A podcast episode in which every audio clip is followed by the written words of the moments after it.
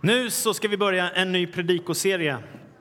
Och temat är möten med Gud. Möten med Gud.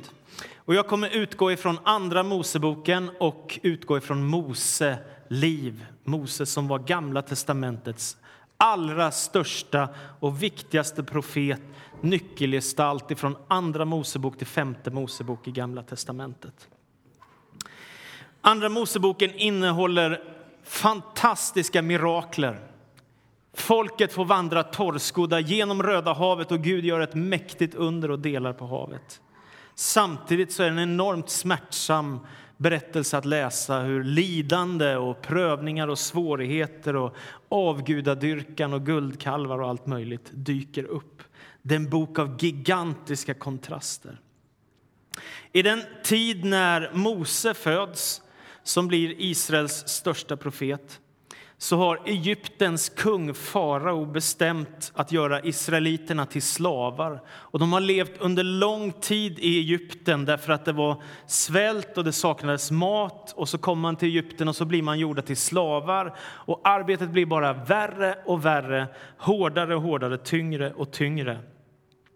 Ändå växer israeliterna i antal och blir fler och fler, så de är ungefär lika många som egyptierna. Och då börjar farao att frukta. Och därför fattar farao ett fruktansvärt beslut. Han säger att alla pojkar, nyfödda pojkar ska kastas i floden Nilen och dödas. Det är ett fruktansvärt beslut. Mose föräldrar de bestämmer sig för att vi ska göra allt vad vi kan för att skydda Mose. Så de håller honom gömd i tre månader. Men efter tre månader blir det helt omöjligt att hålla Mose gömd och då bestämmer sig Mose mamma för att bygga en liten korg som hon gör kära på så att den ska flyta på Nilenfloden. Och så sätter hon den i vassen i Nilenfloden och så står Moses stora syster kvar och tittar vad som ska hända med Mose. Och precis då kommer faraos dotter kungens dotter kommer och ska ner och bada i Nilen. Och så får hon se den där lilla korgen som ligger där borta och hör något ljud som gnyr där. Så hon säger till en av sina slavar att gå bort till korgen och tittar vad det är för någonting. Och slavinnan går bort och hämtar korgen, kommer fram till faraos dotter, prinsessan, öppnar korgen och så ser de att det är en liten pojke som ligger en nyfödd pojke, bara några månader gammal. Och Faraos dotter inser att detta är naturligtvis en hebreisk, en israelisk pojke. Men då är Miriam snabbt fram där, Moses stora syster och säger du, om, jag vill, om du vill så kan vi ordna en amma åt dig, en kvinna som, som kan amma den här lille pojken så kan du ju få ta hand om honom sen. Och det går faraos dotter med på. Så att Moses stora syster tar med sig lille Mose hem till hemmet och sen så får hans egen mamma amma honom, ta hand om honom, föda upp honom. Och sen så när det har gått en tid så får hon vara med och föra Mose till, till palatset där farao finns. Och det är också Moses stora syster som ger honom namnet Mose som betyder barn och floden. Barn och floden. Så han är tagen ur floden och därifrån kommer hans namn. Det är ett mirakel Mängder av pojkar, små barn, har blivit dödade. Mose överlever och Mose blir nu satt att växa upp hos prinsessan i det mäktiga kungariket. Visst är det ett mirakel? Och då kommer min första slutsats, och det är detta. Alla vi människor föds in i olika familjer och situationer som har sina bekymmer. Och det finns inga perfekta omständigheter. Är ni med? Det finns inga perfekta omständigheter, ingen familj där allt klickar, ingen skola, ingen församling, ingen, utan överallt där vi är finns det bekymmer. Och Mose föds i en tid med gigantiska problem för Israels folk. Och just därför så blir han också förd för att kunna tränas som ledare för sitt folk av farao själv. Visst är det intressant? Så Faraos dotter, prinsessan, tar honom till sin egen son. Hon låter honom växa upp och hon lär honom den egyptiska visheten. Han får studera, han får lära sig massor av farao lär han sig hur man leder ett folk. Och då kommer min andra slutsats som är denna. Det som kan se ut som en fruktansvärd förbannelse kan Gud vända till en välsignelse i ditt liv. Tänk att Moses som höll på att dö när faraos dotter kommer till Nilenstranden så blir det istället precis tvärtom. Han som skulle ha dött, han får växa upp i ett kungarike och fostras till ledarskap som han sen skulle ha nytta av resten av sitt liv och på det sättet kunna bli en enorm välsignelse för Israels folk och föra Israels folk ut ur Egypten. Så när detta lidande går fram över Guds folk så reser Gud upp Mose med detta, med detta uppdrag. Men sen sker något mitt i detta som blir så drastiskt och det är detta att Mose ser att det är en egyptier som ger sig på en hebren israelit. Och det gör honom upprörd, för han vet ju att det där är hans egentliga folk, israeliterna.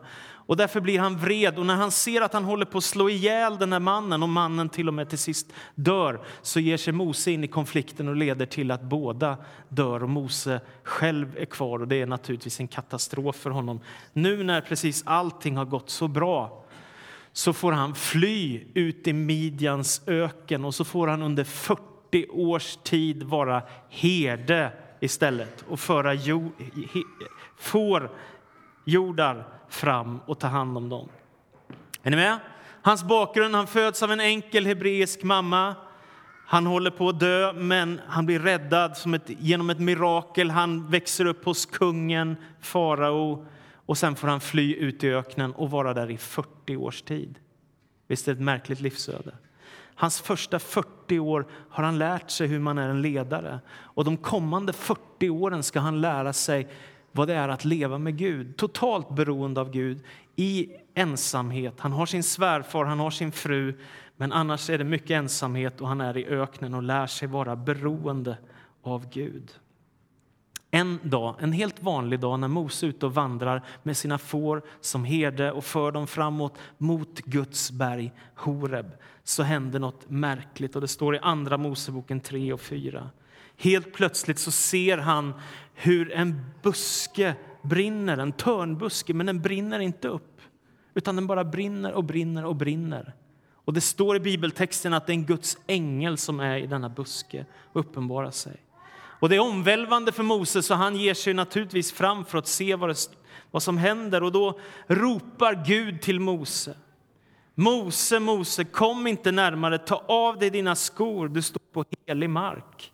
Och han fortsatte, jag är din faders Gud, Abrahams Gud, Isaks Gud och Jakobs Gud. Kan du tänka dig denna upplevelse? En buske som brinner, en helt märklig, ännu ett mirakel, den brinner inte upp och när Mose kommer nära så talar Gud. Och Gud säger, du står på helig mark, dra av dig skorna av dina fötter. Han dras in i Guds helighet och härlighet och närvaro och han får möta den suveräne konungen som håller hela världen i sin hand. Han talar nu till Mose och kallar honom till att bli en ledare. Mose blir märkt av Gud. Aldrig mer så kan han leva utan Gud. Han har smakat på himlens krafter och himlens härlighet och därför vet han vad som finns hos Gud och han blir totalt beroende av Gud. Gud blir hans liv. Och nu säger Gud till Mose, du ska gå till farao och sen ska du säga, han som har hållit folket i århundraden i slaveri, släpp mitt folk. Och så ska du föra dem ut i öknen och så ska ni fira gudstjänst vid Sinai berg eller Horebs berg. Och Gud avslöjar sitt namn för Mose, Javé, eller på hebreiska JHVH, Guds allra heligaste namn för att Mose ska veta att han verkligen kommer att följa med honom. Då kommer min tredje slutsats. Mitt i det vardagliga livet så kallar Gud oss att tjäna honom. Och Han har tänkt att just ditt liv ska betyda något i hans plan. Och Det där kan hända precis när som helst i en människas liv att Gud ställer sig i vägen och att man upptäcker vem Gud verkligen är och att man blir så tagen av Gud att man bara vill tjäna honom. Jag vet att det var vid ett berg som jag första gången upplevde Guds närvaro. Jag var bara fem år gammal och jag satt i Stockholms skärgård hos några av mina släktingar och de hade en strandtomt som var otroligt vacker och där längst ner satte jag mig. Jag tror att jag var ungefär fem år. Ja. Och så tittar jag ut över havet och så ser jag bergsmassiven och klipporna på andra sidan, långt där borta. Och det där blir för mig liksom någon slags känsla av att Gud ligger bakom allt det här. Det är Gud som har skapat det här. Det, är han som har gjort att det här finns till och därför så, så förstår jag att han är här hos mig också. I veckan som gick nu så läste jag också om en pastor som heter Sven Bergholm. Han har dött och han har fått flytta hem till Jesus. Han är hemma hos Gud i härligheten. Och då skrev en av hans kollegor så här. Sven han brann för att sprida evangeliet om Jesus och han inspirerade oss unga till att tro på församlingens möjlighet att nå ut med evangeliet. Någonting händer med oss människor när Gud drabbar oss. Det ena är ju att man själv blir så fylld av tron på Gud och livet med Gud. Och det andra är att man vill göra någonting för Gud, att man vill börja tjäna honom och få sprida evangeliet för honom. På darrande ben så ger sig Mose av tillsammans med sin bror Aron eftersom Mose har lite svårt att tala. Det är mycket kamp och lidande som väntar innan farao är beredd att släppa sitt folk. Tio plågor kommer över Egypten innan han släpper folket. Och Mose får se de mest häpnadsförande, häpnadsväckande under hur Gud för sitt folk ut i frihet. Och när den sista plågan har kommit så då är han beredd att släppa folket och Gud får föra en, eller Mose får föra en stor skara av människor som i århundraden har levt i slaveri ut i frihet. Och så drar de iväg till Horebs berg för att fira gudstjänst. Och då börjar Mose sjunga lovsång. Så här står det i Andra Mosebokens 15 kapitel och andra vers. Herren är min kraft och mitt värn. Han blev min räddning, han är min Gud, honom vill jag prisa. Vem är som du, majestätisk och helig, värdig fruktan och lovsång, mäktig att göra under. Och Mose får vandra torrskodd med hela sitt folk rakt igenom Röda havet. Vilket ofattbart mirakel! Och detta lever ju det judiska folket på. Här gör Gud ett under för att skapa sitt folk som gör att han ska kunna sända Messias. Och då kommer jag till min nästa slutsats, och det är detta. När Gud visar sin godhet mot oss, då föds en sång i vårt hjärta en lovsång till Guds ära som aldrig någonsin skall ta slut. 1900-talets kanske mest välkända predikant Frank Mangs han skrev en väldigt fin bok som heter Sången i själen. Och det var hans livshållning att det är som att det en sång som sjunger på insidan inom mig för att jag har mött Jesus, jag har upplevt Gud och han har väckt en sång i mitt inre. När man läser idag i de judiska synagogorna som motsvarar våra församlingar då bland judarna om hur Gud befriar sitt folk från ett fruktansvärt slaveri under århundraden så reser sig församlingen varje gång. Det är omöjligt för dem att sitta kvar. Utan varje gång som den här texten läses, när det än sker, om det är på morgonen eller kvällen eller mitt på dagen, så reser sig det judiska folket. Det gör de bara då och när man läser de tio bud budorden. Och varje judisk morgonbön innehåller en påminnelse om uttåget ur Egypten, hur Gud befriar sitt folk ifrån slaveri och hur han gör ett mäktigt mirakel för att de ska kunna vandra genom Röda havet. Så kommer Israels folk fram till Sinai berg dit Gud har kallat dem att fira gudstjänst. Mose går upp på berget för att tala med Gud och Gud talar till Mose och säger ni har sett vad jag gjorde med egyptierna och hur jag har burit er på örnvingar och fört er hit till mig. Och Det här är själva bakgrunden till det judiska folket. När de ber så sveper de alltid in sig som en bönemantel. Åtminstone de ortodoxa de har såna här bönemantlar när de ska be över hela kroppen. nästan så här. Och Varför gör de det? Jo, de gör det för att Gud bär dem fram som på örnvingar. Sitt folk tar han hem till frihet från slaveriet. Och då kommer min nästa slutsats. Och det är detta. Trots att det här var Guds väg för sitt folk så var det ingen enkel väg att gå. De mötte många svårigheter på sin väg. Ändå var det som att Gud bar dem som på örnvingar. Är ni med? Alltså, det var ingen enkel väg. Det var plågor, det var lidande, det var kamp. Ibland var de utan mat. Ändå skulle de fram på sin väg som Gud hade kallat dem att gå. Och de tar sig hela vägen fram. Och sen så är Mose framme vid Sinai berg med folket. Och när han är där så kommer Gud uppenbara sig och då får Mose en befallning, inte bara att själv gå upp på berget, utan han ska ta med sig hela Israels folk för att de ska få möta Gud. Och då står det i Andra Moseboken 19 och 18. Hela Sinaiberget omgavs av rök då Herren steg ner på berget i eld. Och röken steg upp som ur en smältugn och hela berget skalv. Och hornet göd allt starkare och Mose talade och Gud svarade honom med ljudlig röst. Det här är början till det som blir pingsten, pingsthögtiden, skördefesten. Här uppenbarar sig Gud. Och med denna uppenbarelse så kommer Gud också med de tio budorden. Du ska inte dräpa, du ska inte stjäla, du ska inte ha andra gudar. De här välkända som de flesta människor över världen tror jag känner till eller har hört talas om.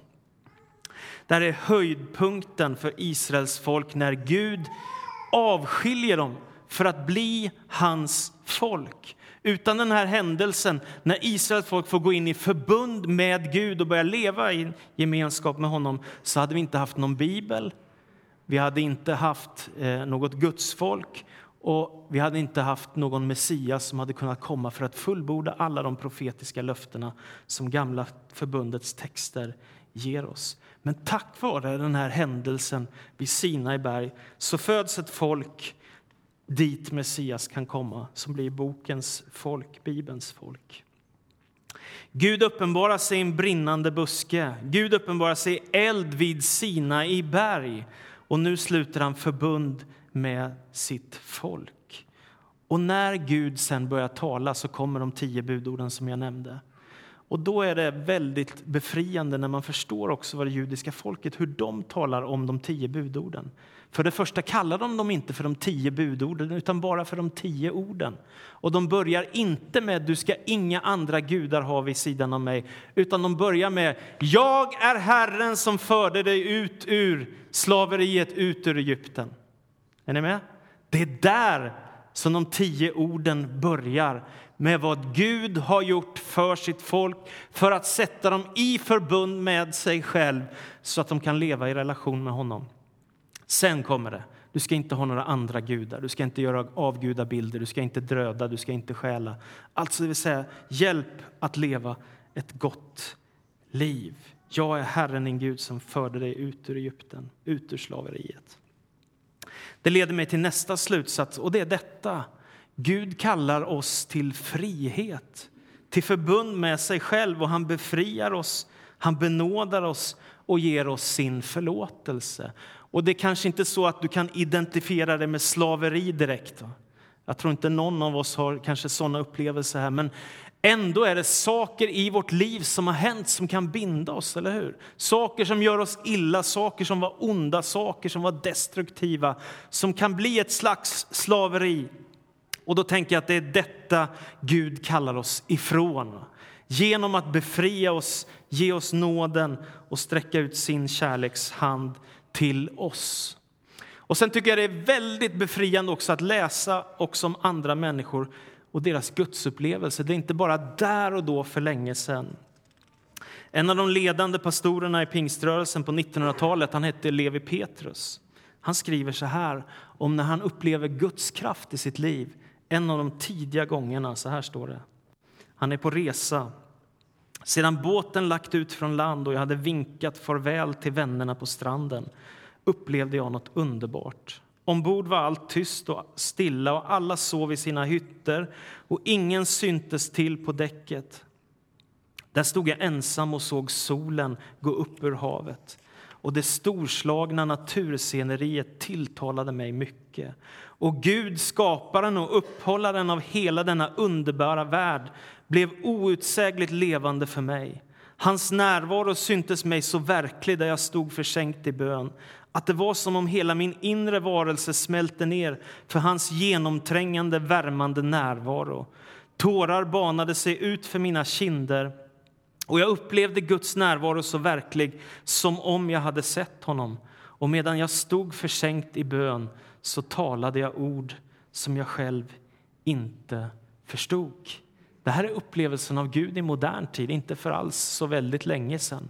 Och på samma sätt som Mose upplever Gud kan vi idag också få uppleva Gud när vi söker hans ansikte.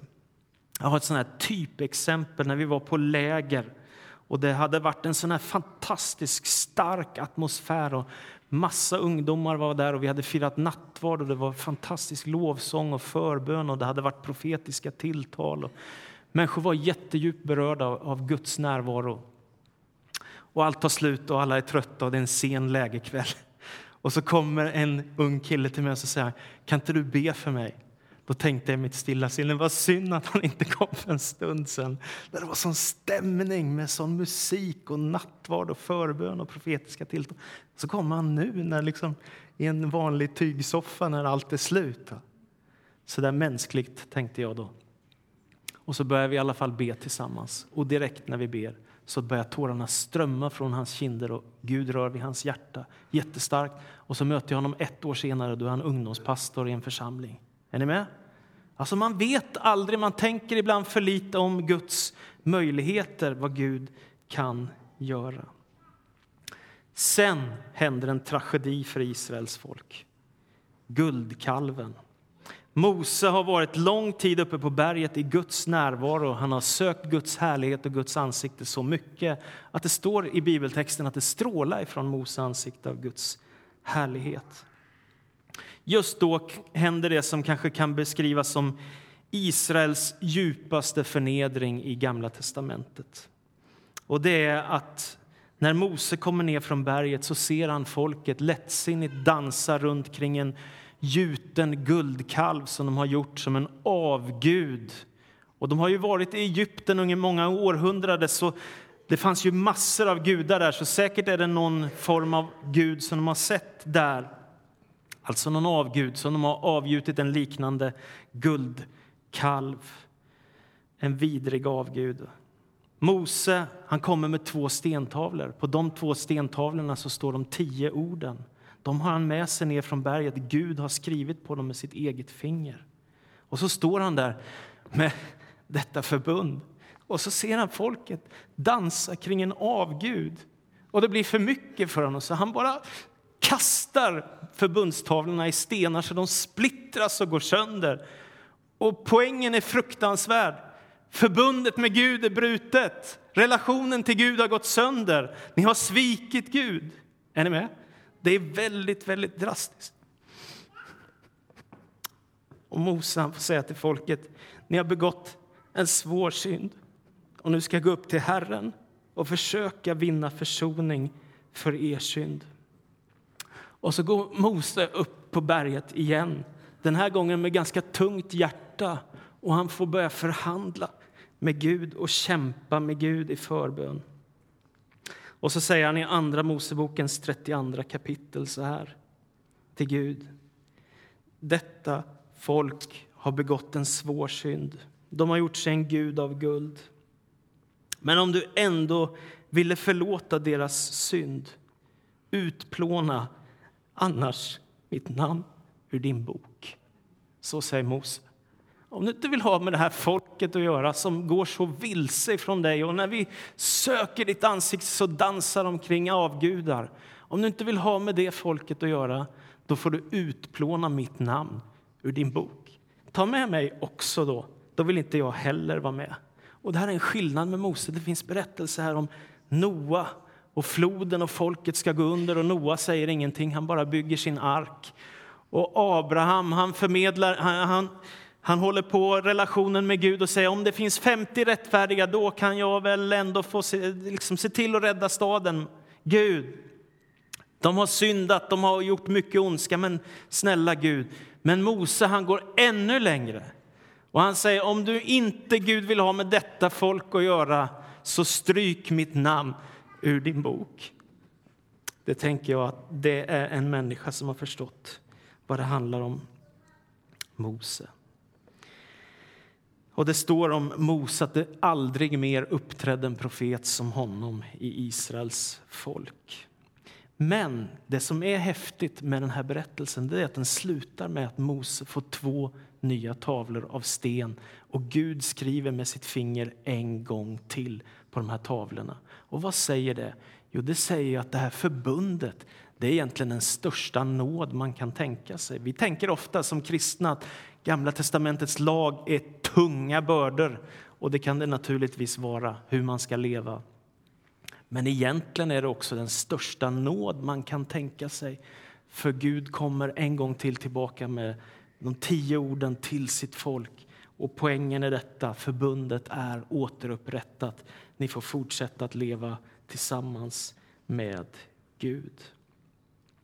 Ändå avslutas den femte Moseboken med att Mose står på ett berg och Gud tar honom dit upp och så står han och ser in i det förlovade landet som Gud har lovat till Abraham sedan lång tid tillbaka att han ska få detta land som det står flyter av mjölk och honung, vad nu det innebär. En sån härlig beskrivning. Ja, det här landet ska de få. Men Mose får aldrig komma in. Han får bara stå på ett berg och se in på det land som Gud har förberett för sitt folk. Han kommer aldrig i mål, utan där dör han. Och nästa generation måste ta över med Josua och gänget. Och då tänker jag, är det då inte hopplöst om Mose, som var en sån gudsman, inte fick gå in i löfteslandet? Hur ska vi då kunna få gå in i löfteslandet? Det kan man fundera på. Och det är här som Jesus kommer in i bilden. För det som Mose inte kunde göra, det fick Jesus göra. Mose han var beredd att dö tillsammans med sitt folk om det behövdes. Men Jesus går längre. Han dör för hela mänskligheten för att upprätta ett förbund med Gud för alla människor som gäller hela världen. Inte bara Israels folk, alla människor, hela världen, hela mänskligheten. Gud försonade världen med sig själv när han lät sin son bli ett syndoffer för hela världens frälsning. Och så skriver aposteln Paulus om Jesus. I honom har alla Guds löften fått sitt ja och amen genom Jesus Kristus. Och när Jesus är på förklaringsberget i Matteus evangeliets 17 kapitel då kommer Mose och Elia till honom. Det är märkligt. De har varit döda sedan länge. Men vad är det som händer? Jo, det som händer det är detta att kraften hos Kristus gör att dörren till löfteslandet till himlen, paradiset, evigheten hos Gud står öppen för alla människor. Och Man behöver inte bara stå och se in i löfteslandet och vänta och hoppas utan tack vare Jesus Kristus så är vägen till det förlovade landet öppen. Därför nådde Mose målet, inte för att han själv lyckades utan för att Kristus kom som är den utlovade Messias som Gamla testamentet talar om. Och därför till sist min sista slutsats. Tack vare Jesus Kristus är det aldrig någonsin kört. Hans seger är evig och vägen till Gud står öppen och du är välkommen till gemenskap med Gud. Tack vare Jesus Kristus är det aldrig någonsin kört. Hans seger är evig. Vägen till Gud står öppen och du är välkommen till gemenskap med honom. Amen.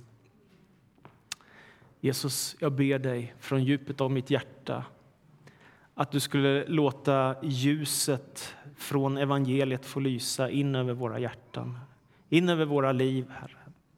Du vet hur vi har det i vår vardag, du vet vad vi längtar och strävar och kämpar med, Herre. Du ser vår kamp Kanske vid köksbordet, i vardagsrummet, på arbetet, på skolan, var det nu är, Herre. Och jag ber dig, Herre, att du skulle hjälpa oss att vandra den här vandringen tillsammans med dig. Att inte ge upp, att inte svika och om vi faller, att du får resa oss upp igen, Herre. Att vi inte ger upp det fantastiska förbund som du har upprättat med ditt folk som idag inte bara är Israels folk utan folk över människor av alla möjliga nationaliteter och språkgrupper och nationer, Herre. Tack för evangeliet som gör att dörren till dig står öppen och vem som helst är välkommen att få möta dig. Att tacka dig för din nåd och för din godhet. I Jesu Kristi namn vi ber. Amen. Amen.